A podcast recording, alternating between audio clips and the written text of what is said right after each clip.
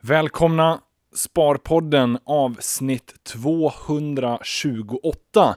Det här är lite av ett specialavsnitt faktiskt. Jag och Jocke, vi tar och möter Fill or Kill-podden i ett samtal där vi försöker bena ut lite hur det är att vara som trader. Hur ser man på långsiktiga placeringar? Är de sparsamma? Hur sparar man om man nu får en lön ifrån sina aktieaffärer? Så ett väldigt spännande avsnitt där du då som lyssnare får höra hur vi delar och byter lite tankar mellan Sparpodden och Fill or Kill-podden. Njut och lyssna. Varmt välkommen till Sparpodden, din podcast om privatekonomi och börsens fantastiska värld. Varje onsdag ett nytt avsnitt. Häng med, för nu kör vi igång.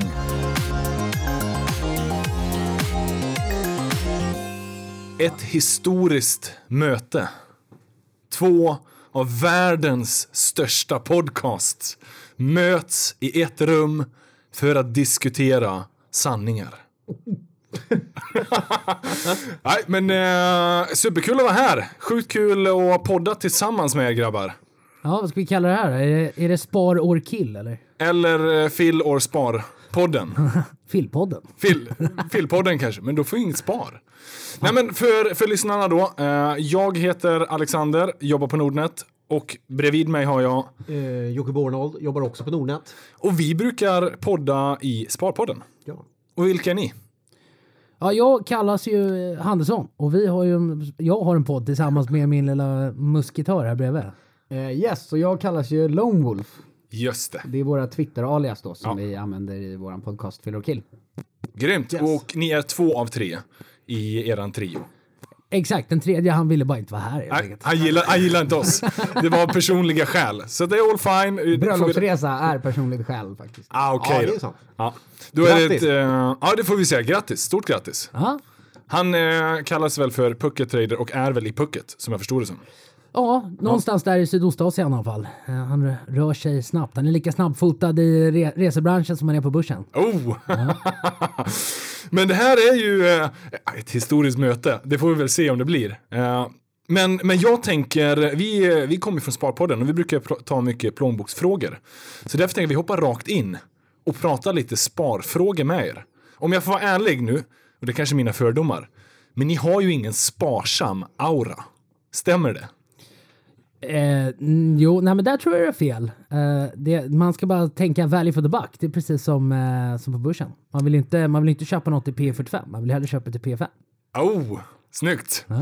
Eh, men man får ju ändå bilden av en, ni jobbar ju som daytrader, eller, eller ni livnär er eh, som daytrader. Kallar ni er för daytrader? Nej, Nej, vad kallar ni er för? nej jag skulle säga... Jag, håller- jag, håller- Egenföretagare? nej, mångsysslare. Mång- Eh, där investeringar är primärt fokus. Ja, Jag säger väl trader i alla fall. okej, så man, man lägger inte på den här day. Nej, precis. Utan när, när kallar man sig för daytrader, eller gör man inte det? Är det sånt, sådana som vi som inte förstår som gör det? Jag vet inte, jag kanske kallade mig för det när man var, När, det var, när man var ung, man yngre var 20 år och ja. åt nudlar. det är det är den bilden jag får upp. Jag vet inte, när man eh, pluggade eller något sånt där och skulle dryga ut kassan lite och handla på börsen. Då, Eh, Men då var det sen, rätt eh, coolt. sen också att själva daytradingen försvinner ju längre du håller på utan man börjar ha lite långsiktigare och man svingar lite då som, eller ja. Så daytrading är ju väldigt specifikt bara under dagen och väldigt kortsiktigt. Varför blir det så? Varför tror ni? Det är ganska vanligt tror jag, att det blir så. Att ju längre man håller på, desto mer lutar man kanske åt att det blir mer investeringar kanske, än att man sitter och tradar eh, och lite mer swing. Eh. Dels har man väl eh, mer att röra sig med. Mm. Eh, kan ju vara korrigerat. Och eh, sen är det också att det, det blir ju andra sorters affärer.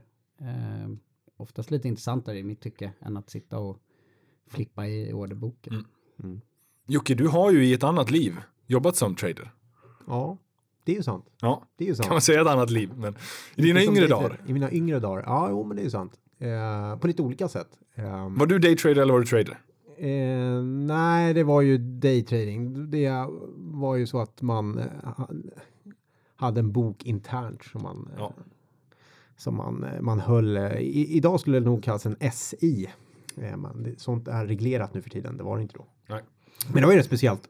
Men det var ju inte privata pengar utan det var ju bankens pengar.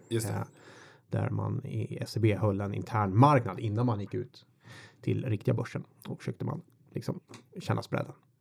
Det gör man ju inte idag faktiskt. Nej. Men i vilket fall, det jag skulle komma till. Eh, när, man, när jag tror allmänheten tänker en trader så ser man ju ett ganska extravagant livsstil och många sena klubbkvällar och eh, pengar och champagne som flödar. Är det er vardag? Jag skulle säga exakt tvärtom. Va? Nej, men jag tror, jag tror den bilden, den nidbilden får man kalla det, eh, är ju, är ju eh, helt fel. För den personen som eventuellt skulle sitta och vara en hardcore trader och sitta där, han måste väl gå upp klockan fem, sex på morgonen och vara mest påläst av alla. För det är ju då man presterar bäst. Och då kan man ju inte vara ute på krogen till klockan fem. Det, det där är ju någon gammal mäklarklyscha som är från 80-talet tror jag. Eh, så att, och det är lite samma sak som jag var inne på innan också. Att, att ju, ju längre man kanske håller på med med, eh, med aktier på, på heltid, desto, desto mer inser man hur mycket jobb det är bakom. Det är den här klassiska inlärningskurvan. Eh, det är ju samma sak med långsiktiga investeringar. Att I början så vet man ingenting, sen tror man att man vet allting.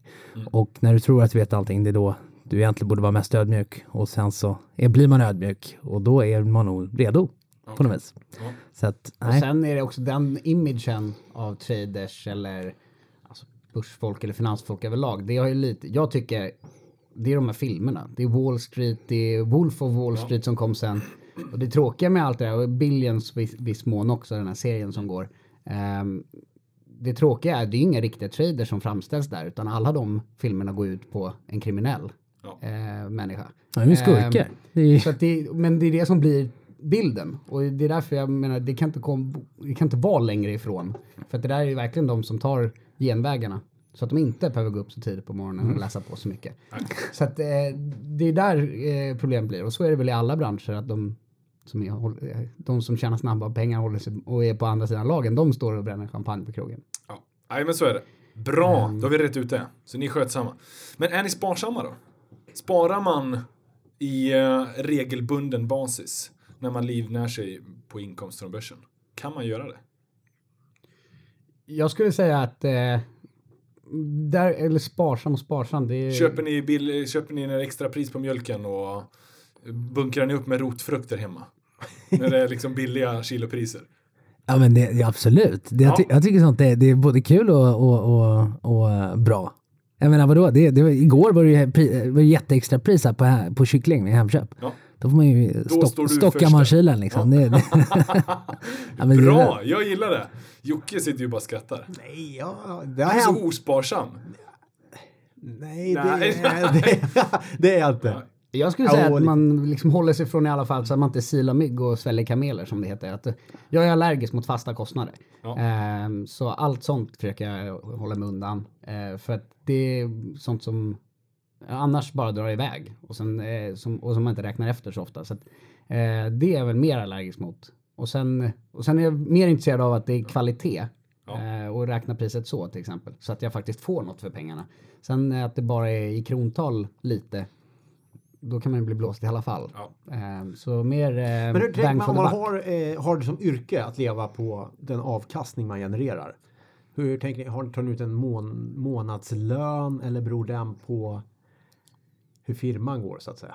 Den beror ju på hur firman går. Ja. säga. Hur tar ni den då? Och, hur, hur orkar ni med det? Är det jobbigt? att det går upp och ner. Det är en ganska stor psykisk press. Liksom. Det, är en, det är en ganska stor press. Man vet att jag skulle tycka det. Jag är liksom. Ah, nu måste jag dra in de här stålarna liksom, varje månad för att få det att gå runt. Eh, hur fixar ni det?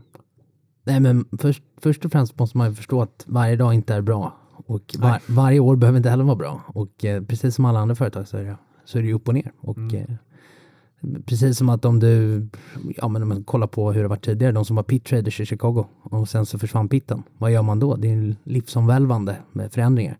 Och det handlar om att vara snabbfotad och vara en kameleont. Och eh, ibland så måste man investera för att eh, lära sig nytt eller förändras och utvecklas. Och det kanske tar ett halvår, det kanske tar ett år. Ibland är det bäst att inte göra någonting. Eh, Det finns ju massa som vi känner som har hållit på med det här väldigt länge. Bara, som helt sonika säger eh, det är bättre att åka iväg ett år, ta en paus, hålla på med något annat. Sysselsätta sig. Jag tror det är viktigt att, att syssla med andra saker än bara sin hobby. För då, när hobbyn blir allvar och allvaret blev en hobby, då vet man nog inte vad som är ut och in till slut. Okej, så det är ett sätt att hålla sig sund. Att ta en distanserad bild på det man, man gör liksom. Nej, men som med allt annat i livet, om, om, om man börjar med någonting, om du tänker på varför, varför blev, eh, ja men om du har en stor förebild. Lite som vi, vi intervjuade ju Lektas grundare, eh, Larry Lexell, och han pratar mycket om slumpen. Och, va, Men på något sätt är det ju, det är ju någonting du har, du har, du har ju följt någonting. Någonting var det som gjorde att du hamnade där du hamnade. Eh, vad, vad det beror på, det, det kan man ju diskutera i all oändlighet. Men, men i regel så var det något som drev en. Och var, varför blir folk eh, traders? Ja men i regel så är det frihet. Och är friheten att sätta sig vid en desk klockan sju till sju, ja, det kanske inte är så frihet. Eller? Nej. Utan det kanske friheten är väl att man kan jobba från var man är och var, var som helst i världen. Man har tid att göra annat. Man kanske, eh, ja, men jag, jag har massa olika andra projekt som är jätteroliga att driva. Och då, då kan man ju definiera, är man, och du på, återigen på frågan, vad gör man om dagarna? Nej, jag har ingen aning. Jag skulle kunna öppna en korv, eh, korvkiosk imorgon. Jag älskar korv. Nej, men det, det är det, det är friheten, att kunna göra vad man vill med sin Men sen också den där, alltså psykisk press när det är rörlig inkomst så är det ju, det är, man ser ju så mycket risk i marknaden hela tiden. Eh, och saker som händer och aktier som går ner och folk som förlorar pengar och folk som tjänar pengar. Så att den rörligheten gör ju också att man, man blir lite ödmjuk inför framtiden. Eh, så att även om jag har en jättebra månad så betyder inte det att jag plockar ut mer. För att jag vet att det är runt hörnet nästa kvartal, nästa finanskris, någon gång kommer det. Och det gör att man blir rätt ödmjuk för att eh, även om det går bra så håller man i sig själv. Är det därför du dåligt. också kapar fasta kostnader? För att man vet att... Ja, exakt. Och framförallt de, onöd, de här onödiga sakerna så man vet aldrig vad som händer. Nej. Och då vill man inte sitta fast i grejer. Liksom. Men det är ju höjden av optimism hos en trader är ju en trader som stryker fem skjortor på söndagskvällen. Det.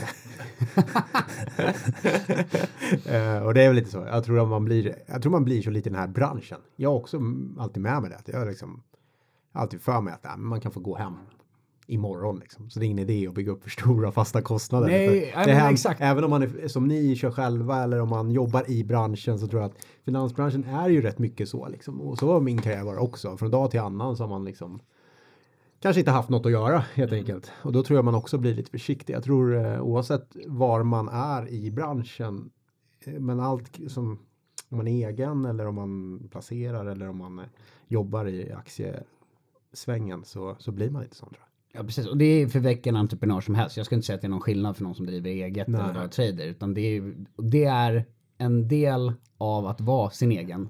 Så klarar man inte av det, då ska man nog göra något annat. Eh, så att det, det är inte så mycket man går runt och tänker, åh vad jobbigt det är att jag inte vet vad som, vad som händer då, här och då. Så är det. Och sen så får man lära sig att copa med det. Och då är till exempel skär ner på fasta kostnader minskar en del stress.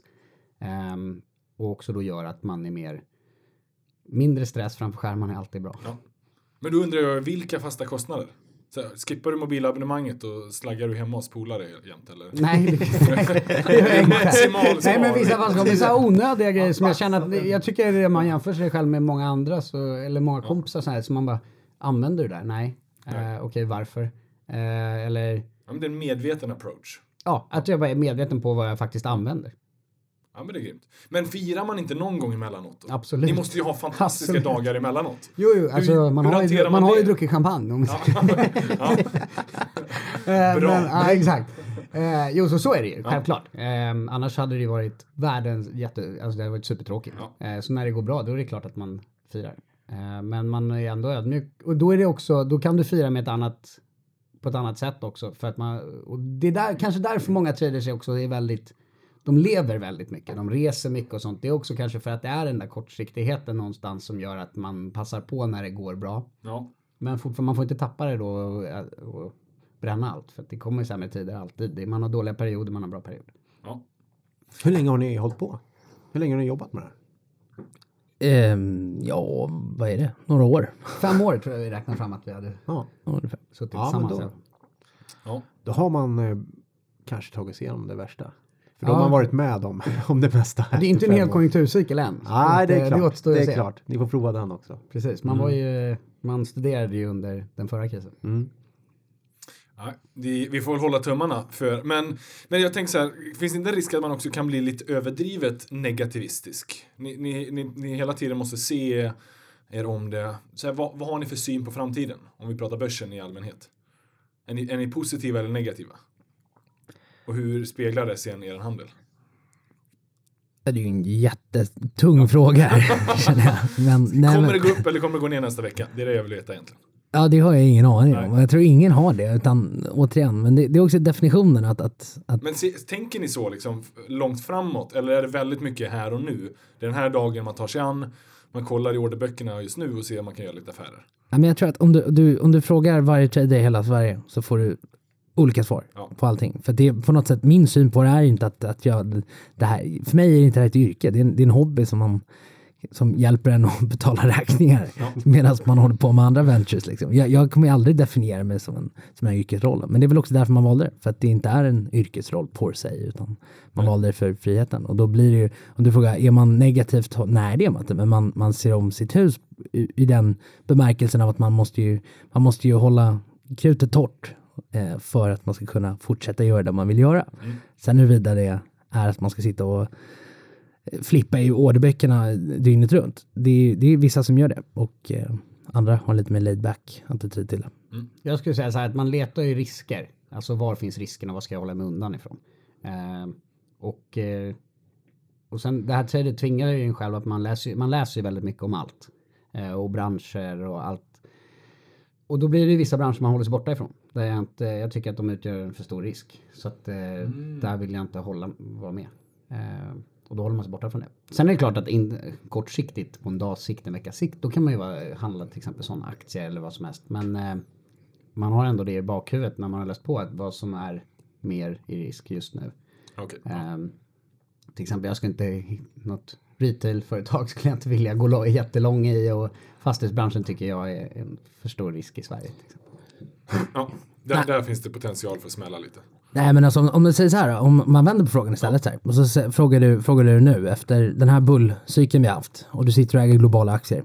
Då kan man ställa sig frågan, istället för att fråga huruvida man, man, eh, man är opportunist, för opportunist ska alla människor vara, alla ska vara opportunister, för att världen växer och det, det, det, det är mycket bättre idag än vad det var för fem år sedan. I 99% av världen. Och 99% av världens befolkning tycker egentligen det innerst inne. De har en bättre vardag än vad de hade för tio år sedan. Och så är det, det är ett faktum. Och utifrån det ska man alltid vara optimist. Men däremot ska man också konstatera att statistiken är ju talar sitt tydliga språk. Att för det första, nio av tio bolag kommer fejla någon gång. Om du kollar tillbaka 100 år sedan så finns inte de bolagen kvar. Du kan gå tillbaka 30 år sedan. Det är samma. Det, det är en, en naturlig drift mot döden i det mesta. Och det är därför indexinvesteringar sånt där fungerar över tid. För att de byter ut aktierna. Det är därför indexinvesteringar fungerar. Det är aktiv förvaltning. Det är bara att den inte är aktivt av människa. Utan det är, det är regelbaserat. Och precis på samma sätt där kan man bara konstatera att om du köpte aktier 2008 på en teoretisk botten 2009 och höll i två år så tjänar du med en, en, kompan, alltså en CAGR som är helt fantastiskt om du slutar även på att du ligger cash resten av tiden. Och om du teoretiskt sett kan se det att ungefär var tionde år kan du tjäna tio års avkastningar av att vara inne i marknaden 10 av fallen. Varför ska man vara inne hela tiden? Det är det man ska fråga sig. Och då kan du, om du gör det nu med din långsiktiga pensionsportfölj, skulle du börja kalla dig trader för det? Och det är ju det här som är intressanta. Att, att det, är en syn, det blir en syn på det. Att, att du kan kalla det, du kan ge ett epitet, säga att det är en yrkesroll om du gör det på heltid. Men egentligen så loggar den här personen in då var tionde år och köper aktier när det är brinnande kris. Ma- Man behöver inte ge så mycket epitet för det. Man kan bara kolla historiskt och så kan man se att, att vill man ta hand om sina pensionspengar på bästa sätt så kan man faktiskt vara lite ödmjuk och, och se på marknaden för vad den är. Och sen så man måste inte alltid vara fullinvesterad. För vi, vi privatpersoner som sitter här med relativt små kassor har faktiskt råd att kliva av och på. Är man fondförvaltare på Skandia då, då är det lite svårare att sälja av de här 45 miljarderna de sitter under förvaltning. Men vi kan trycka på en knapp och så är det borta. Så Speciellt med själva trading-synvinkeln, att där, den där kortsiktigheten, att man gör snabbare affärer men man är inte lika exponerad lika länge. Det skulle kunna användas bland sparare och eh, på längre sikt också. Som i det här fallet som Hannesson tog upp nu, eh, 2008 och bara ägt två år. Så hade du inte behövt vara med sen och ta mer risk på högre nivåer. Nej. Är det det perspektivet man eh, tror är det skiljer? Ska jag förklara det på något vettigt sätt. Men, men det är en känsla jag har att om man har jobbat med det så får man ofta det perspektivet, det här med riskperspektivet på ett annat sätt än kanske man bara en privatsparare eller en Jag tror framförallt att du lär dig vad riskerna är. Ja, det Eh, blir jag ganska tror många- smärtsamt Jag för tror många många. bara inte ens vet om det. Nej, Eh, det är precis som när man pratar diversifiering till exempel. Eh, det, är egentligen inget, eh, det blir egentligen inte mindre risk. Det du är är att du har minskat korrelationen. Så du antar att de här 15 bolagen inte kommer gå ner samtidigt. Det, är anta- kraschen det, det är så- antagandet. ja. Men i varenda finanskrasch så kommer de, är det bara aktier som är noterade på en börs så kommer de gå ner. Så är det ju förstås. Eh, ska du di- diversifiera ännu mer så går du ut, då är, har du lite råvaror, du har lite räntepapper. Då har du ju gjort, men det är också samma sak att re- rent riskmässigt så har du inte, det är inte att något av de här tillgångslagen har mindre risk per se, utan det är att du tror att de inte ska kollidera med varandra. Nej men det går, det, du, du kan aldrig, det, man måste skilja på systematisk och osystematisk risk. Du kan, du ska, diversifiering handlar i regel om att du ska diversifiera bort eh, företagsrisken och det är ju givet. Du ska inte ligga all in i ett bolag för då, då har man inte förstått hur grejen funkar. Och där kan ju alla bara slå upp Wikipedia och läsa om Markowitz och, och, och modern portfölj är, så lär man sig hur, hur, vad en optimal diversifiering är. Sen oavsett vad folk säger att man ska, jo men jag diversifierar, jag har 250 papper med in depå. Ja, då har man ju de har inte riktigt fattat det. Alltså, då, då, tyvärr, tough luck. Man, då får man lära sig lite mer om matematik och statistik, för det funkar inte så. Det är efter, efter, ja vad är det, egentligen efter typ 10 så är det netto, eh, ja alltså, Effekten ger inte så mycket. Nej, du kan lika gärna skita i det. Och det, och det är ju den bistra sanningen. Sen, sen är det väl intressant, ur- återigen, vi bor i Sverige, man har, man har kund hos Nordnet som har tillgång till så oändligt mycket marknader. Och det kostar, transaktionskostnaden är den lägsta någonsin i världshistorien. Så att i dagsläget så finns det ingen ursäkt för att inte diversifiera. Nej. Sen ska man ju förstå att sen kommer det systemkrascher och då är man inte skyddad. Nej. Så är det liksom. Och Name of the game. Det är så. Sen Ja, så... men det är det jag menar. Jag, nu menar jag att eh, så är det, men jag, när man läser debatten och när man hör folk som inte på, är på professionell nivå så verkar nästan diversifiering synonymt med att då är man safe. Och det är inte, det, då är det, det är ett antagande som inte stämmer. Så att det, det har blivit någon missuppfattning däremellan, att det är synonymt med att man... Ja, men vi brukar komma in på det emellanåt också, att cash är i sådana här tider, även om vi börjar få en inflation, alltså det är inte fel att ligga lite cash Ja, men, men cash är också en, en position. Och, Ja, och, och vi bor i Sverige, så då är verkligen cash en position. Ja. För att om du sitter på en bostad i Sverige och du är lite orolig över din bostadsvärde, du är lite orolig över dina pensionspengar i börsen som har gått lite för bra, man kan sitta och klia sig i huvudet. Jo men nummer ett då, om, om du äger bara svenska aktier och du är rädd för svenska ekonomin, köp lite utländska aktier.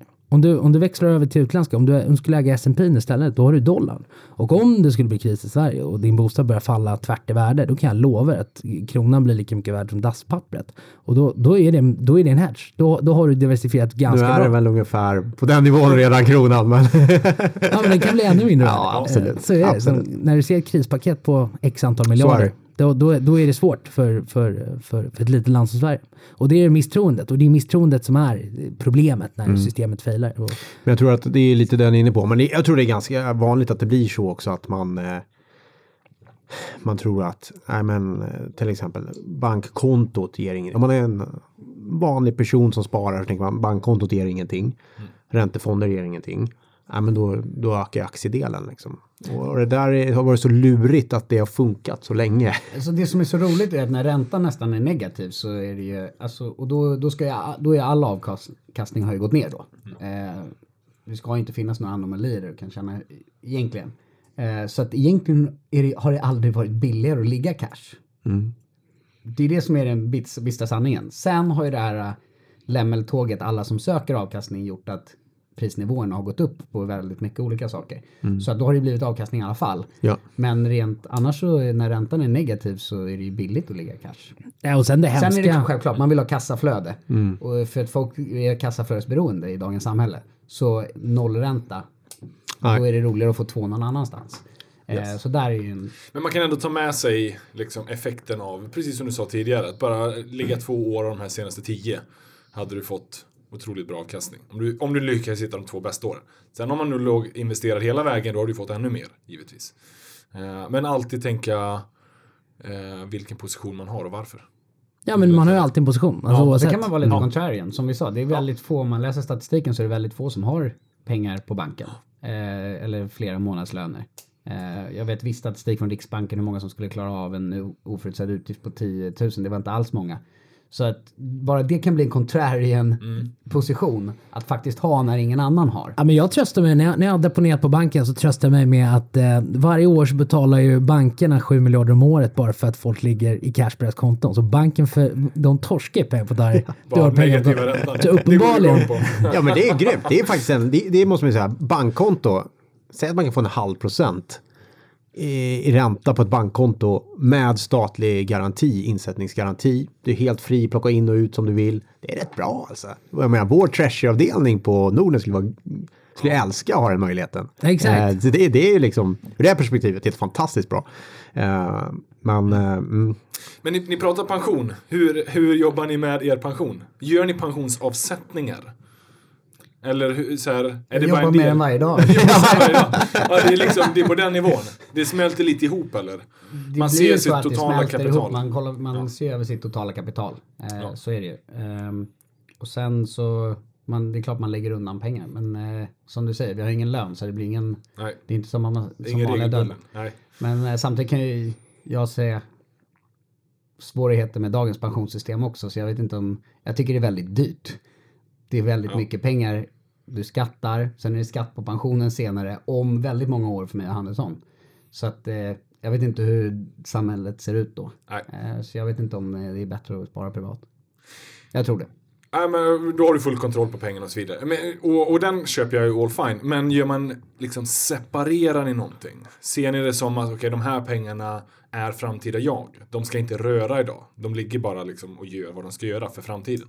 Det är ju de långsiktiga investeringarna. Ja, Du menar den här andra högen av cash? exakt.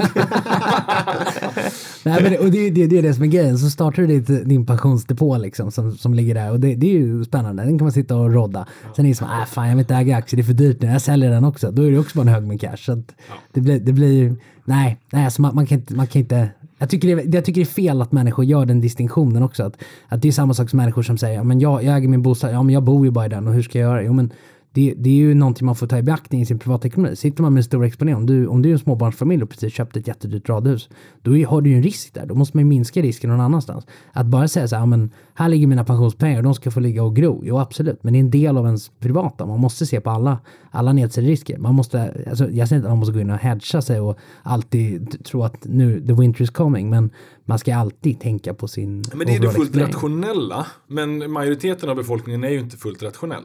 Och framförallt inte när det kommer till pengar. Då finns det ju en vits av att ha ett, ett låst konto som du inte kan pilla på.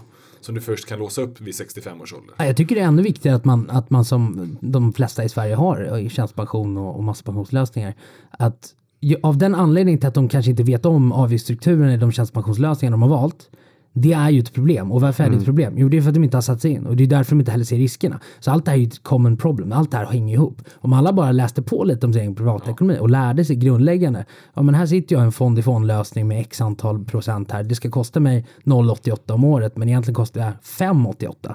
Det är helt sinnessjukt. Alltså det, det, det är ett rån på blanka dagen. Och folk skiter i det.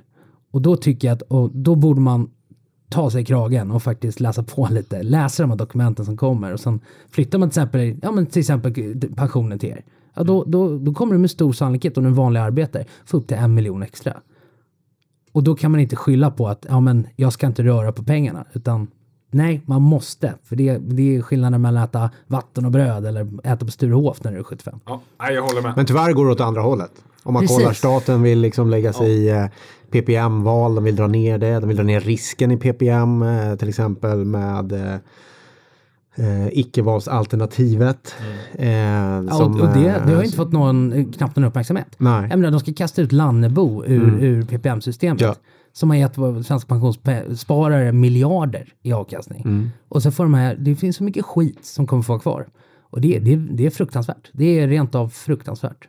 Ja, vi får se vad det blir. Men tyvärr så blåser vinden åt fel håll där. Att eh, individerna ska ta allt mindre ansvar för sin ekonomi. Och det, är- tror jag är fel tycker väg det att är gå. helt fel. Alltså jag tycker att eh, ignorans eller okunskap ska ju liksom inte vara, eh, bli då att mo, det motsatta är inaktivitet, utan Ja. tvärtom. Ja. Utan det ska ju vara att man läser på eller att man förkovrar sig eller att man inför i alla fall på gymnasienivå eh, privatekonomi eh, i utbildning och så vidare. Eh, det ska ju vara mot motmedlet. mot- Och göra det enklare. Och det finns ju vissa nya regelverk som liksom gör avgifter tydligare. Och det är ju bra att det finns också de trenderna samtidigt. För finansbranschen har ju historiskt sett varit duktiga på att dölja avgifter och göra enkla saker mer komplicerade. Absolut. Ja, den gråa delen av fall. Ja, den väldigt, väldigt grå delen av finans. Men sen ser man ju på de senaste tiden, jag menar Nordnet är ju typexempel Avanza. Ja. Det är ju transparens. De bygger hela sin affärsmodell på transparens. Och det visar ju på att det behövs och det uppenbarligen funkar. Det hade inte funkat om det inte behövdes. Nej. Kunderna är ju efterfrågare. Så man gynnar de som tar det steget. De kan berätta för sina vänner, som berättar för sina vänner. Eh, Men att försöka hålla folk i handen, det tenderar att inte funka. Nej, nej, verkligen. Det kan vi nog skriva under på allihopa. Men långsiktiga portföljen, säger ni. Vilka aktier ska jag ha i den långsiktiga portföljen då? Vilka har ni? Eh, ja, Nej, vi ja. behöver inte gå in på enskilda aktier. Men, men, eh, men ni har också en långsiktig vid sidan av förstår jag. Ja, man har investeringar, Ja, exakt. ja. Eh, lite onoterat och några aktier på börsen och så vidare. Ja. Som jag tror på långsiktigt. ja. Inga retailbolag då? Och så, nej, Nej. Eh, nej, exakt. Utan det är mer så här, te, alltså teman som jag tror kommer Just det. växa. Eh, det behöver inte vara några stora bolag. Några är mindre till och med, så de vill man knappt nämna. Eh, men eh, så att eh, det är väl snarare det att man... Men generellt sett, skulle ni säga bland traders, för ni, ni känner ju en del, så här, har, man, har man också en långsiktig investering, eller löper de ihop ganska ofta? Det är väl få som bara sitter och svänger allting på en och samma dag, eller två, tre dagar. Jag skulle säga att de absoluta, de, de flesta traders man träffar och som eh, speciellt i den äldre skaran och de väldigt lyckosamma, eh, så är, liksom den gemensamma nämnaren där är väl att det de tjänar bäst på eh, överlag är ju liksom case. Ja. Eh, och det är ju en jätteviktig del. Och alla, alla tror att man sitter och ja, men hård tradar, men man kan ju, det kan ju likväl vara en, en, säg att du tar en trade som var en day trade som blir en swing trade som sen blev en långsiktig investering. För den fortsätter ge pengar. Varför ska man kliva av? Och det är ju det. Ja. Och, det, och det caset kan ju löpa i flera år i vissa lägen till och med. Absolut, absolut.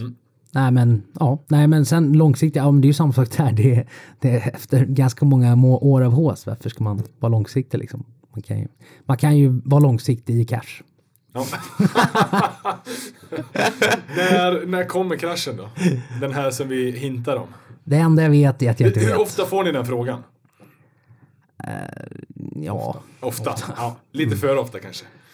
Ja, Nej men ingen vet. Alltså det, nej, det, det, det, behöver man ju verkligen ha superklart för sig. Vi ett, får ju den frågan ja. också superofta. När kommer kraschen? Vilken aktie ska jag köpa? Ja, men det får man alltid. Men, men det enda jag vet är att du kan förbereda dig på det. Ja. Det är vad du kan göra. Du, Precis. du vet inte när det sker, men du måste ha en strategi för hur du ska göra när det väl kommer. Antingen att du är förberedd på det, ja, framförallt handlar det om vilken risk du har. Det är så här, ja, vill det vara 100% aktier, då ska du klara det när det går ner 30-40% också. Annars kommer du liksom hamna väldigt snett, för du kommer liksom bara sälja när det när det är på botten och sen kommer du köpa tillbaka det när du har missat de där två åren när det gick upp eh, 10 års avkastning. Så att det tror jag, det är det enda man kan göra. Man kan bara vara förberedd. Ja, och så Eh. man komma ihåg att det är ingen som behöver pengar. Du kommer aldrig behöva pengarna när det går rakt upp och när det är på toppen. Mm. Utan det är alltid där nere på botten när resten går och det kanske börjar på jobbet börjar det pratas om att folk ska sparkas Ja. och så vidare. Det är då du kommer behöva de där pengarna. Mm. Och då är det inget kul om din 100% exponering mot aktier är ner 40% Nej. eh, när du behöver det som mest. Så att det är väl så man ska se på det. Sen en kvalificerad gissning när kraschen kommer, så ja, 2019 då. Okej. Tack. Kanske Ja, lite tidigare i Sverige bara. med fastighetsmarknaden då. Men, eh, och det kan vi ju se bara på OMX-index att vi har toppat. eh, Sverige har gått väldigt bra. Sverige har kört på alla cylindrar. En stor del i BNP-tillväxten i Sverige är fastighetsmarknaden och byggbranschen. Och den ser ut att tvärnita. Hur mycket fastighetsbolagsexponering har ni? Noll. Jag har också noll faktiskt. ja, det, den är nästan negativ skulle jag säga. Nästan. Oh, ja. Nej men det, det, det, det, du nämnde ju det, det är också en, det är heta branscher. Heta branscher kommer och går. Det var, eh, och, ja, IT-bubblan var en, jag menar du hade råvaruhåsen, det här har varit en fastighetshås. Så är det, eh, oavsett, oavsett hur folk ser på det. Eh, anledningen till att många, eh, som varför detaljhandeln har gått så bra i Sverige i regel, nu pratar alla om hur dåligt den går, men kolla hur, mycket, hur stor sysselsättning det är i, i, i serviceyrken eh, i Sverige. Och varför finns det så? Varför har det poppat upp tio gånger fler kafén runt ditt eh, lägenhetshus nu än vad det var för 15 år sedan? Jo, men det är ju för att folk har blivit rikare. Och så kollar du på löneutvecklingen och löneutvecklingen är inte lika het. Och då ser man ju ganska klart och tydligt att du har haft, du har haft en tillgångsinflation som har gjort att folk Billiga bolån. Ja, vi kan kalla det vad vi vill, men det är risk on och då vill folk spendera. Man ska nog, man ska nog ta det väldigt lugnt. Om man, är, om man säger att man är en eh, bergsklättrare, för man investerar i en bergsklättrare, så då ska du bara se till att ha din lilla livrem med dig. Och det, man ska ta det lugnt. Han är en jättebra jämförelse. Hur ser er sparkvot ut då? Jag måste ju ställa frågan. Jocke älskar ju ordet sparkvot. För. Nej, det är jag faktiskt inte. Nej. Jag, har väldigt, jag, lite, jag har lite svårt för det. Ja, Har det är jag. därför jag också tar upp Ja, jag vet det. Ja. Mäter man sparkvot som en, en trader? Nej. Vet ni vad sparkvot är? Ja, det är väl andel Ja. av en lön, men eh, hur ska man... Ja, men man kan ju ta det som andel av inkomst. Hur stor andel av eh, den införskaffade eh, penningen under den här månaden sparar ni undan? Nej, ni måste inte ha en sparkvot. Jag ville bara se om ni går Jag över har ingen tankarna. sparkvot. Men jag vet att när det går bättre så... Då sparar man mer. Jo, eller spara mer. Alltså jag, som trader så är det ju att när jag har kostnader, då, då plockar jag ut. Eh, och sen eh, när, om jag gör en jättebra affär så betyder inte det att jag plockar ut mer. Eh, Jo, utan det är kvar på 20 depå. procent och det ska Ja, gå exakt. till underhållning. Nej, men det är- man bygger ju, man bygger ju upp depåerna. Det är inte, det är inte ett, jag, jag måste inte plocka ut därifrån, den får ligga kvar där. Och sen så gör man fler affärer. Eh, det finns liksom ingen sån att jag, ah, okej det där ska jag ta ut och det lägger jag och spara med. Utan jag har ju, mycket- all, tänk dig att alltså ens pengar ligger på sparkontot redan. Ja, okej. Ja. så att, och det är där man gör affärerna. Eh, så att det ligger kvar där. Ja. ja, grymt. Har ni några eh, investeringsförebilder? några som ni ser upp till? Jag vet ju att du Handelsson har ju läst en bok här nu. Så nu ska få redogöra lite. Ja, det, var, det, var ingen, det var ingen investmentförebild, men det var, det var i samband med om man skulle Eh, om man, man ska säga vad, om, vi, om allt vi har pratat om innan och, och lite hur, hur, hur man kan se på det så finns det en bok som heter eh, The Art of Execution. Och jag tycker den, den sammanfaller hur, hur traders synvinkel kan appliceras väldigt bra på, på långsiktiga investeringar. Och att det ni, ni kallar för trading, eh, men som jag tycker det är ju att investera. Och det är lite hur, hur, hur du hanterar en, en, en trade. Vi pratade om att man ska, ja men på två år kan du tjäna in allting vad du skulle tjänat på en konjunkturcykel teoretiskt om du eh, compounded annual growth rate, om du räknar ut den eh, över, över tid.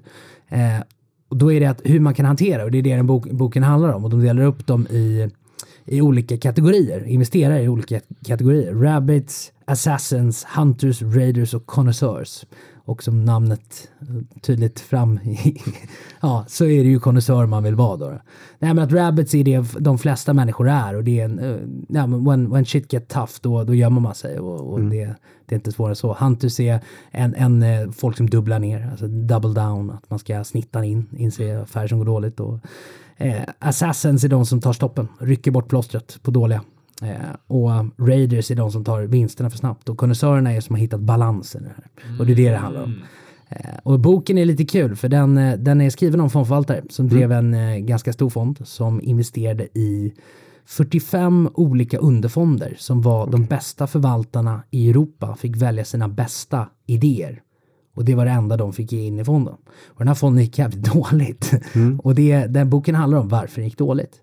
Så den presenterar väldigt mycket statistik på eh, vad, vad proffsen gör fel egentligen. Och statistiken som framkommer är att det är oftast en, har du tio aktier så är det en eller två som ger dig din avkastning som är hela. Har du sålt den för tidigt då, då får du ingen avkastning. Och även de, de idéerna du tror mest på är oftast de som går sämst. Och det är mycket sånt där som är, det är ju, det är hjärnspöken. Det handlar inte om huruvida du är en då- dålig investerare eller om du är en bra investerare, utan det, det handlar ju om hur du hanterar, om det är execution då. Hur ska man hantera en trade som går emot det? Om du köpte ABB till din mormor för fem år sedan och den, den, är, den är ner, säger vi, 50 procent. Hur hanterar man det? Eh, Och om man nu hypotetiskt sett, precis som Jocke sa, att man kan förbereda sig. Då kan man också förbereda sig för de hjärnspökena som man vet kommer komma. Just. Ja. Vad heter, vad heter boken? The Art of Execution, den är skriven av Lee Freeman Shore. Personligen så ger jag väl en, en tre av fem i betyg här, men det var lite kul i sammanhanget Ja, absolut. absolut. Nej men det, det, alltså jag håller med helt och hållet. Eh, för det var fyra karaktärer och så här, ibland så behöver man eh, fly eh, och kanske då inte ens vara inne i equities. Eh, och, och ibland så kan det vara värt att double down om man nu tror att det finns en stor liksom, potential på andra sidan. Och samtidigt är det inte det i många lägen. Eh, liksom smälta ihop alla de där karaktärsdragen. Men det finns faktiskt en svensk fond, undrar om den finns kvar, som heter Skandia Swedish Stars. Just det. Som hade just det här upplägget. Eh, jag, var in, den, jag var med när vi lanserade den, jag jobbade på Scanner då. Och då var det så här, man, då, då, det är den här tanken att man tar de fem bästa svenska förvaltarna och så får de ta sina top picks och leverera in i fonden. Eh, men jag tror inte den fonden gick något bra faktiskt. Eh, jag vet inte, men jag måste kolla upp det. Ja, det är ju exakt vad han Men gjorde. det, ja, han var ju först ut då. Och Mm. det, De ja. snodde säkert eh, konceptet. Ja. Eh, spännande. Jag ska kolla upp det till nästa, nästa avsnitt. Men eh, det var tanken. Eh, Simon Blecke bland annat var med och några till. Nej, men det, och det, det, jag tycker det är kul för att det är, alltså, jag, jag, tycker, jag tycker man gör alldeles för stor distinktion mellan, mellan kortsiktig handel och långsiktig. Att det ska vara någon skillnad, det, det, det förstår inte jag. Utan jag tycker att det är, en- det är en självklarhet att man måste Det är investeringar vi alla sysslar med. Ja men at the end of the day så är det, om man köper en, en aktie på en timmes sikt eller om man köper den på tio års sikt så är det irrelevant. Du vill få, få in den till bästa pris och du vill väl sälja den så högt som möjligt. Så är det ju. Och sen nu har vi bara pratat eh, liksom köpa saker. Det finns ju ett annat eh, sätt att tjäna pengar på också på börsen och det är ju faktiskt att eh, satsa på att saker ska gå ner. Ja. Ehm, och eh, jag menar, jag följer vissa hedgefondförvaltare och sånt och Jim Chanos i USA till exempel är en sån gammal legend som eh, bara har en kortfond. Han kortar bara saker som han tycker att det här är inte det här är alldeles för övervärderat och det här ska vara, det ska vara lägre. Ehm, och där, det visar ju, hans avkastning visar ju att det går också. Eh, och som han ofta säger är att han har sett betydligt många fler bolag att gå till noll än att de går till månen. Ehm, och det ligger ju någonting i det. Ja. Eh, och när man tänker på det sättet då förstår man också att long only, alltså det gäller att man har gjort sin research innan du väljer att vara long only. Ehm, väldigt viktigt. Sen nu, nu pratar jag om blankare som får väldigt mycket skit i media. Ehm, framförallt eftersom senaste åren med blankarna i Fingerprint och sånt. Och det visar sig att de hade ju rätt. Eh, an- antalet vinstvarningar sista året måste ju visa att de har haft rätt. Eh, och där är blankarna får ju ett oförtjänt dåligt rykte. Eh, så är det. Som Jim Chanos till exempel, hans, han och David Einhorn som driver en hedgefond som heter Greenlight Capital i USA, båda de två avslöjade Enron. Det var den största scammen i världshistorien. Just det. Det var blankarna som kom på. Det var ingen pensionsförvaltare som ägde den som kom på, äh, vänta nu säljer jag den här och, och ringer i visselpipan. Utan många whistleblowers är ofta blankare. Ja. Eh, Ja, det är börsens whistleblowers. Precis, så de har en väldigt bra effekt. Eh, och sen på vägen ner när en aktie går ner, då, står de, då köper de tillbaks aktierna de som de har sålt. Så att, har du tur så får du sälja till dem så att det finns en köpare överhuvudtaget. Nej, men sen, det handlar ju om value. Alltså, för, för, för, många, många pratar ju om value investing och sen så är det, det har ju fått också, det har ju skruvats helt åt fel håll. För att det, det som många tror är value investing är inte value investing. Det, value investing handlar om att köpa något billigt, något som är värt mer än vad det, vad, vad det kostar. Det är det det handlar om. Precis på samma sätt som någonting är värt väldigt mycket mer än vad det borde kosta. Då ska det ju ner i så fall. Ja, många pratar ju om att bolaget är liksom ett valuebolag, men det är priset och vad, vad värdet. Det är liksom den Ja, men- skillnaden du vill hitta en billig. Ja men exakt, jag menar varför, varför vill man betala för mycket? Det är samma, alltså jag tycker inte, jag tycker att handla aktier är väl samma sak som att gå på Ica. Du vill köpa den där oxfilén som är, du vill inte köpa den billigaste för den kommer antagligen vara skit. Men du köper den dyraste på rabatt, eller hur? Så att den kostar som den billigaste. Ja. Och det är ju det value investing Det är handlar det när om. man kallar ett, en aktie för att det här är ett value-företag. Och Det förutsätter ju att du har ett faktiskt de facto ett värde på bolaget. Ja. Och, Och priset är lågt. ja, och då måste du kunna jämföra priset. Eh, så stundtals eh, när ett kvartal när aktien har gått bra, då ska du, om du har gjort din research, ska du veta nej men det här är för dyrt. Det här kanske den ska stå i om två år. Det är två års avkastningar i det här bolaget. Ja men då säljer man väl om man är en rationell människa. Eh, eller så köper du om aktien går ner. På grund av kortsiktiga faktorer. Men då ska du ju veta vad bolaget är värt. Om man kallar, om man är så savvy att man vågar kalla ett bolag för ett value och har gjort en research. Ja. Det är det, att många slänger sig med de här termerna lite för slarvigt. Ja.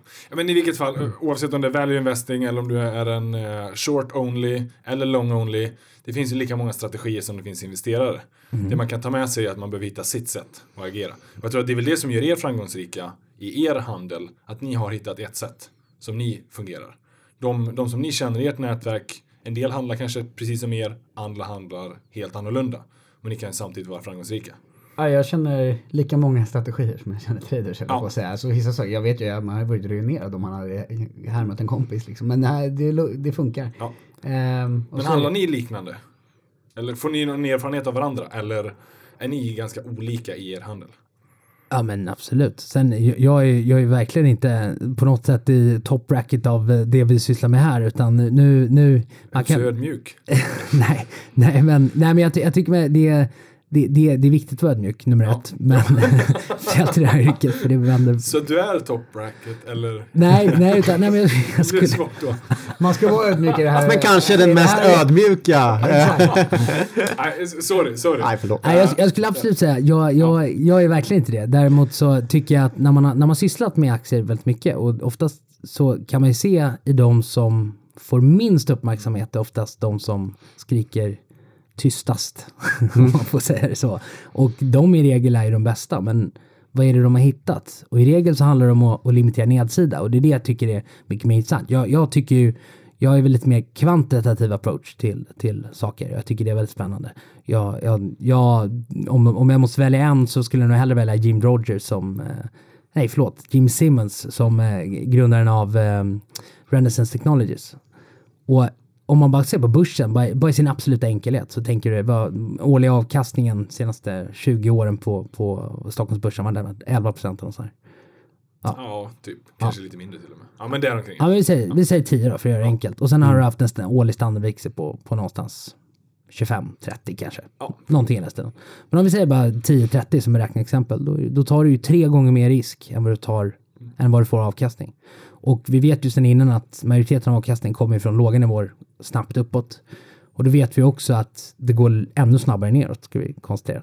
Och det betyder ju att om man nu ska approchera investing från den synvinkeln så handlar det ju snarare om att minimera risken och få den här 30 neråt. För du kan inte göra så mycket med den här 10 för 10 är 10 Däremot så kan du undvika vem du, när du inte ska äga den. Och det, om man bara har den approachen, och det är ju där vi kommer in på sharp eh, ratios och riskjusterad avkastning och sånt där. Och då, det, det intressanta då är bara att om man nu hypotetiskt sett hade haft en, en lott, lott framför dig och den, och den hade, du, ja, risken, är, risken är 30 och, och 10 i returnen. Ah, då, är det inte så, då är inte så intressant längre. Då, då är det inte så kul. Men det är ju att, det är ju att börsen går upp på sikt säger man. Och det är för att man ska vara, precis som vi pratade om, man ska vara opportunist och, och liknande. Men man ska komma ihåg det, att det är riskfyllt. Börsen är riskfylld och det handlar bara om att minimera risk. Så du, det, det, det, svaret på den här frågan var egentligen att ni, du, ni handlar inte liknande. Nej, Eller- nej, Longwolf han tar bara massa risk. Nej, vi- sen är det också, jag handlar ju till mestadels eh, terminer, alltså index. Ja. Ehm, kortsiktigt. Eh, och sen så har jag, äger jag några aktier och, eh, långsiktigt. Eh, så det blir, då, där blir det ju rätt olika. Ehm, eller du handlar, väl, du handlar ju mer aktier än vad jag gör i alla fall. Ja. Ehm, så jag tittar mer på större grejer, mer makrodata och sånt. Nu är det mitt stora intresse också, så det blir roligare om man kan kombinera det. Eh, Men som en av mina stora husgudar, det är ju Stanley Druckenmiller, han som var George Soros partner. George Soros också för den delen. Men, eh, ehm, och i Sverige är de inte, kanske inte lika positivt inställda till exempel. Ehm, George Soros var känd för att ha gått emot kronan på 90-talskrisen och sånt. Mm. Ehm, men då höll ju också Riksbanken på med något som inte gick. Det var ju mot fria marknaden och sådana saker kom, håller ju inte på sikt. Så att han har fått lite oförtjänt rykte tycker jag. Ehm, men Stanley Druckenmiller, då blir det en, han har också en annan syn lite på trading. Utan han är mer när han har hittat ett riktigt bra case. Då, så, då allokerar han rätt mycket till det. Och sen tittar han väldigt noga. Ehm, eh, så så är det väl. Har du någon eh, investeringsidol Jocke? Du behöver, du behöver inte säga mig nu om du inte vill. kan- Ja, men jag har väl massa. Eh, vi vet ju att jag inte har Warren Buffett. Eh, det har vi ju konstaterat i Ja. podden tidigare. Och det, det brukar alltid ge lite... Det brukar du gärna vilja understryka lite mer. ja, jag tar... Nej, men han är ju grym. Det är inget fel på honom. Men Han är överskattad. Ja, ja, jag tycker han är överskattad. Jag tycker det faktiskt. Jag står för det. Eh, men men eh, Han är bara rätt rik. det finns väl många... Det, det är ju liksom... Det finns rätt många dåliga som är sköna att följa också, liksom, som inte har lyckats. Eh, förstås, det går att lära sig mycket av misstag och, och sådana där. Det är intressant. Mats Kviberg är en jätteintressant person som har lyckats uppenbarligen med en ja, vi vet inte vad han visste om traden i HQ, men uppenbarligen tog han väldigt mycket risk där. Eh, så mycket att hela banken eh, försvann. Eh, samtidigt har han haft en enormt bra utveckling i sin eh, långa portfölj, om man ska säga så. Det är jätteintressant. Ja. Eh, han- jag tycker han har varit fantastisk utveckling i Sen, sen, man split, sen de skildes, han och Sven. Eh, det tycker jag är rätt intressant. Eh, det, det, finns många utomlands också eh, förstås eh, att fundera på. Men träffade ju, vi körde Nordnet live, eh, så intervjuade vi rätt många och träffade ju fastighetskungen eh, Sven-Olof Johansson. Just det. Och han är intressant för han har, han har en approach som är han är så himla sugen på att göra affärer. jag gillar det. Han, han, älskar det han håller på med tror jag. Han kunde inte ens hålla sig still backstage när han väntar på att gå in. Det var liksom så här, han hittar någon där bara, har ni kvar den där fastigheten liksom, kan vi göra något? Eller han är liksom alltid sugen på att göra affärer. Men han är ju eh. motsatsen av vad Handelsson säger här. Han, tar ju, han har ju tagit väldigt mycket risk. Det har han gjort. Det har han gjort. Och varit väldigt aggressiv. Eh, tagit corners lite här och där. Och ja, men det, jag håller inte med om att han är annorlunda där. Alltså tvärtom faktiskt. Mm. Uh, för det, det, det är samma sak där. Som om du gör då, alltså om man tar riskjusterade bets. Jag menar, det, det finns något som heter asymmetric returns, alltså asymmetrisk avkastning. Uh, om i sin absoluta enkelhet så handlar det om att en sak kan gå ner 100% men det kan ju de facto gå upp flera hundra procent. Ja. Så att teoretiskt sett om du följer, köper x antal alldeles för riskfyllda tillgångar så kommer ju någon av dem gå jäkligt mycket och förhoppningsvis mm. gå mer än de andra. Mm. Och jag menar om, om vi tar eh, Soy som exempel då, hans Volvo-investeringar. Sen kom, mm. det gick ju fantastiskt bra. Nu, man, nu snittar han väl lite i H&M här så vi får mm. se hur den går. Men, men jag menar, att the end of day, om, om du tar Kviberg som exempel också, att jag menar allting är ju inte vinster. Men den stora grejen, hans vinnare, om vi tar Bilia. Mm. Alltså hur många procent har Kviberg fått i Bilia? Mm. Det är asymmetrisk avkastning. Mm. Och det är, det, är en, det är också en matematisk... Det väger upp de andra dåliga liksom. Och... Ja, men det är ju en matematisk faktum. Det är, och så är det ju också att i och med att om vi bara konstaterar att effektiva marknadshypotesen inte fungerar så bra mm. så kan vi konstatera att det är fat tails och fat tails är på nedsidan. Så också folk som spekulerar i nedsidan. Det finns ju flera olika fonder som har lyckats fantastiskt bra i, i kristider. Och det är egentligen bara det faktum att du kan få sådana extrema, man kallar det för svarta svanar, men lack of a better word kan man säga. Men, ja. mm. men att i regel då, om, om, du har en säljoption i någonting som går ner 99 ja då har du ju tjänat fruktansvärt mycket pengar. Mm. Och då, kan, då har man råd att ha fel väldigt många gånger. Gör du 100 gånger pengarna på en affär, då har du råd att förlora x antal insatser i nästkommande. Ja. Så att det är också så här. Det är Bara också man är medveten om den risken. Och det har han ju förmodligen varit. Och det är Exakt. Säkert. Man måste Säkert. inte vinna alla, det är min poäng. Man ja. kan ha dåligt år och man kan ha ett ännu bättre år året efter det. Eller ha fyra dåliga år i rad och komma ett femte, fantastiskt. Ja, men så är det ju. Jag tror att det, får man, det är viktigt att acceptera det. Att, att man kan inte bara vinna. Liksom. Då, då, då, kommer du, antingen kommer det sluta med att du tar alldeles för mycket risk eller ingen risk alls. Liksom. Mm. Så, så det, det, det, får man bara acceptera tror jag. Ja, och sen i emerging markets, om man har det, fonder i emerging markets, det är ju de facto det. Alltså, köper du Indienfonder eller Vietnamfonder eller vad, vad det än må vara idag. Alltså du siktar väl ändå på att de på något sätt ska komma upp i en levnadsstandard som vi har idag. Kollar du på GDP, alltså BNP per capita eh, i, i de här länderna, ska de upp till vår nivå? Vad, hur många gånger, hur många hundra procent ska börsen gå? Och det, ska hit, ja. ja. Där kan vi prata om att i de länderna och i den, de delarna av världen kommer också uppstå Warren Buffetts. Eh, och det är väl det man måste ta i beaktning när man tittar på track record de senaste 40-50 åren i västvärlden Alltså den utvecklingen som har varit. Alltså oavsett när du kör stockpicking om du valt index. Så man får inte glömma den tillväxttakten som har varit kontra historiskt. Om vi går ännu längre tillbaks. Så är det en, nästan som ett outlier-event och det är teknik och så vidare. Och sen bara i västvärlden så hade vi att Sovjet föll. Ja. Eh, bara den tillväxten det bidrog med sen. Så att det finns många sådana här saker som inte kommer hända igen. Kanske i vår del av världen. Men i andra delar så har du samma förutsättningar som det är inte som det fanns i västvärlden för länge sedan. Uh, unga befolkningar, utbildningstillväxt och så vidare. Det är sådana där eh, regler för tillväxt. Det faller lite tillbaka som vi inledde den intervjun ni gjorde förra veckan. Att tur är ju någonting man får men det är också någonting man kan skapa i rätt omgivning, i rätt miljö. En Buffett har ju lyckats bli en Buffett för att han befann sig i västvärlden under den här tidsepoken. När den här stora boomen var. Och han sålde inte bort sig. Och han sålde inte bort sig. Grymt! Det här eh, tror jag är det historiska mötet mellan Sparpodden och Fill Kill. Eh, vi låter er lyssnare avgöra eh, Hur historiskt det var. Historiskt värdet i det. Nej, men otroligt kul att gaffla lite med er. De kanske helt enkelt bara lämnar det till historien och gå vidare. Så tror jag med. Nej, men det, jag tror att det finns otroligt mycket att liksom, ta med sig ifrån trading med citationstecken eh, in i de långsiktiga investeringarna. Eh, och all den visdomen ni har delat med er. Grymt! Ja, tack för det. Tack för det. Tack för er som har lyssnat. Kul att ha det här. Ja, det här var ett dubbelavsnitt. Nu Dubbelpodd. går vi och dricker champagne eller? tycker jag. Det tycker jag. Nej, så, så, så bra har det inte gått.